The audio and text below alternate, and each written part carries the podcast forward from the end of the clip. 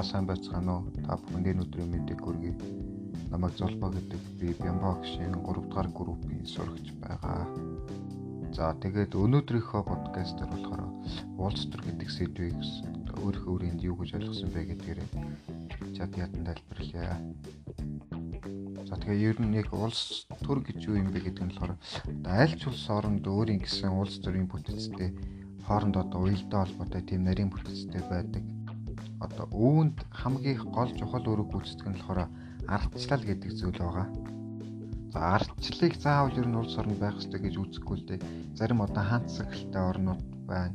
Бас одоо ардчилсан солонгос улс гэх мэт бүр юм бүр сайн ардчлалтай улс болж байна. За тэгээд ардчлал нь болохоор эртний грек хэлэнд болохоор демос гэдэг нь засаглал, кратос гэдэг нь болохоор ард түмэн гэдэг утгаараа одоо нийлээд ардчлал гэдэг утгыг гаргаж ирсэн байдаг байгаа. За ардчлалыг тэгэж ерөнхийд нь бол хоёр хуваадаг байгаа. Шууд ардчлал ба төлөөллийн ардчлал гэж хоёр хуваадаг байгаа. За шууд ардчлал нь болохоор ард түмэн өөр өөрсдийг одоо эрхийг өглөө дуурах уу өөрсдийг одоо удирдах эрх хэлбэр байгаа. Харин төлөөллийн ардчлал нь болохоор иргэд тодорхой одоо албан тушаалтныг сонгож одоо жишээлбэл ерөнхийдөө манайхаар бол сонгуул явагдах дээр нь зөвлөж болно. За тэгэхээр өөртөө төлөөлүүлэн одоо тодорхой албан тушаалтнаа сонгож тэр үнээрээ дамжуул одоо засаглалын эрхээ хэрэгжүүлэх тийм үүргийг олгодог байгаа. За манай Монгол орн гэхэд л өөрөө бол төлөөллийн арчлалтай улс байгаа ардчлалыг ер нь яг юугаар илтгэх вэ? Зарчмууд нь гол гол одоо суурь зарчмууд нь юу юм бэ гэхлээрээ одоо хийсэн ажил ажил ажил одоо буюу одоо тайл нь ард түмэд нээлттэй байх хийх үйл ажиллагаа шудрах ёсны хүрээнд явагдах, хуйлаа дээдлэх хэн хэн ч бас одоо хуйлаа дээдлэж ерөнхийлөгч байсан зөв зэрэг айлын ч гэсэн бүгд дээдл ижил адил төвшөнд одоо хуулиндаа захирах байсан байх хэвээр мөн цөөнхийг хүндлэх зөвшөлтлийн зарчим юм аа. За гэвч эдгээр нэр манай оронд яг хэрэгсдэг гэдэгт бол ер нь нийцгээд ер нь хэцүү тийм ээ. А жишээл бол ер нь одоо Монгол шудрах ус тэгээ алдагдсан гэж ихэнх хүмүүс дүгнэж байгаа. Нэг одоо сонгогдож гарсан одоо тойрог энерги дэвшигчэд гişүүд нь одоо ажиллаа тайлагнахгүй, удлаа хийгээгүй ажиллаа одоо хийсэн болгодог юм уу нээлттэй бус байгаа гэсэн үг. За одоо үеийн байдлаар ер нь хүмүүсийн ойлголтоор улс төр гэдэг бол одоо хүн болгон улс төрийг бизнесийн талбар гэж хардаг болсон байгаа. Яг яагаад ийм бодолтой болчихвоо гэхээр ер нь хүмүүс улс төр нэр дэвшээл дээшгээ тушаал дэвшихээр одоо баян болдог гэж ойлгодог. Улсын мөнгө завшдаг зэрэгээр одоо буруу аргаар баяждаг гэсэн ойлголтондор ер нь бизнесийн талбар гэдэг одоо ойлголт үүссэн байгаа. За тэгэхээр ийм хүмүүс нэг яд юм бэ гэхлээр болохоор эрх мэдлийн буруу буруугаар ашиглаж одоо бусдын эрхэд талдах, шудраг бус хандах, ажлаа нийт нийтэд тайлагнахгүй байх, нээлттэй бус байдаг. Үүргээ биелүүлдэг. Ер нь тиймэрхүү хүмүүс байдаг байгаа.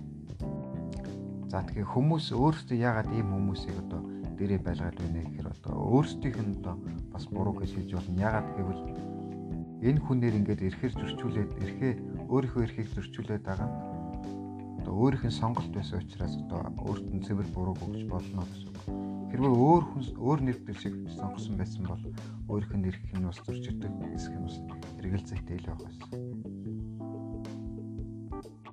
За энэнийх нь нэг тод болохоор одоо захим ертөнцөөр одоо нэг хэсэг явж исэн даар дэрэгтийн саналыг мөнгөөр худалдах сонгуулийн сурталчилгааны одоо мөнгө тараах зэрэгээр одоо илэрдэг байсан. Энүүгээр л одоо ард хэрэгт нь сарын хэрэгцээнийхээ мөнгнөөс олж ерөнхийдөө бол хэдэн ойрын хэдэн жилийн ирээдүгөө балдаг байсан байгаа. За тэгээ миний бодлоор бол ер нь яг шудраг сонгуулийг яаж явуулахыг гэхлээр ер нь ард хэрэгтийг ард хэрэгтэд өөрсөнд нь ухамсар суулгах хэрэгтэй юм шиг санагддаг. Мэдээж эргэн бүр одоо чи би гэлгүй дор бүр нэл хичээгээд шудраг суртуунтай хандах юм бол ер нь шудраг сонгуул явуулж дараа нь өөрсөндөө харамсахааргүй бас өөртөө хүүхд одоо дүүнэр таач гэсэндээ харамсаагүй ер нь ирээдүйг бүтээхэд одоо тусалж байна гэсэн. Ер нь сонгуул гэдэг бол ардчилсан нийгэм ер нь бүтээхэд ихэнх чухал өвөг эзэлдэг гэж ойлгож байна.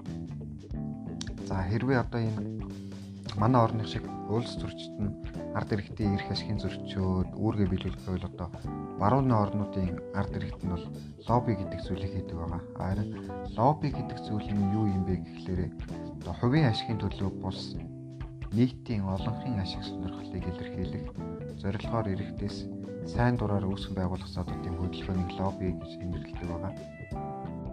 Гэхдээ энэ маань бас яг ч одоо гадаад зогсоод жагсаал цуглаа гэдэг гэсэн утгаар нь бас ойлгож болохгүй одоо манай засгийн ордон байгаа тийм ээ. Засгийн газрын ордон. Засгийн газрын ордны одоо лобби гэдэг нь өөрөө одоо үүдний өөрөө хонгил гэсэн утгатай байна л да. Тэгээ ер нь үүдний өрөөндөө тийм ард иргэдийн санал авдаг тийм өрөө өрөөг одоо бий болгож гисэн байдаг энэ барууны орнуудад. Тэгэхээр нь тэнцээний ус саналуудлаа илэрхийлж болдог гэсэн үг. За яг одоо энэ улс төрчид одоо ажил үүргээ биелүүлэхгүй байгаатай холбогдвол одоо хэд бусдын эрхийг зөрчиж байгаатай холбогдуулан иш Монтески гэж одоо эрдэмтэн нэг онлыг гаргаж ирсэн байдаг байгаа. За энэ ч нь болохоор хууль тогтоох эрх мэдлийг гүйцэтгэхийг нэг этгээдэд буюу байгууллагад өгвөл эрх чөлөө хэрэгжих бус дарангуйлагч хуулийг тогтоож дарангуйлагч хуулийн одоо хэрэгжүүлэх аюул тулгарна гэсэн үг. За тэгэхээр ер нь одоо гол гол одоо эрх мэдлүүд байгаа шүү дээ. Шүү, хууль тогтоох, гүйцэтгэх эрх мэдлэгээ эднэрийг одоо ерөнхийдөө тусгаарлахгүй бол ямар нэгэн байдлаар ирэх мэдл нь эрхчлөө үйл оршнол гэсэн утгыг ер нь Монтеске гэж эрдэмтэн гаргаж ирсэн байна. За тэгээд ер нь энэ подкастын манд ерөнхийдөө гол утга агуулга нь гэвэл ер нь төлөөллийн ардчлалыг яг одоо утгаар нь хий гэвэл иргэд минь ард иргэд маань одоо өөрсдөө ухамсартай ёсор туунтай сонгуульд хандах хэрэгтэй. Тэгээ бас ер нь олон нийтийн үйл ажиллагаа буюу одоо лобби гэх мэт зүйл идэвхтэй байж төлөөлөл ардчлалыгаа өөрсдөө ер нь удирдах нь зөв гэж ойлгуулахыг хичээсэн байгаа. За анхаарал тавьсан баярлалаа.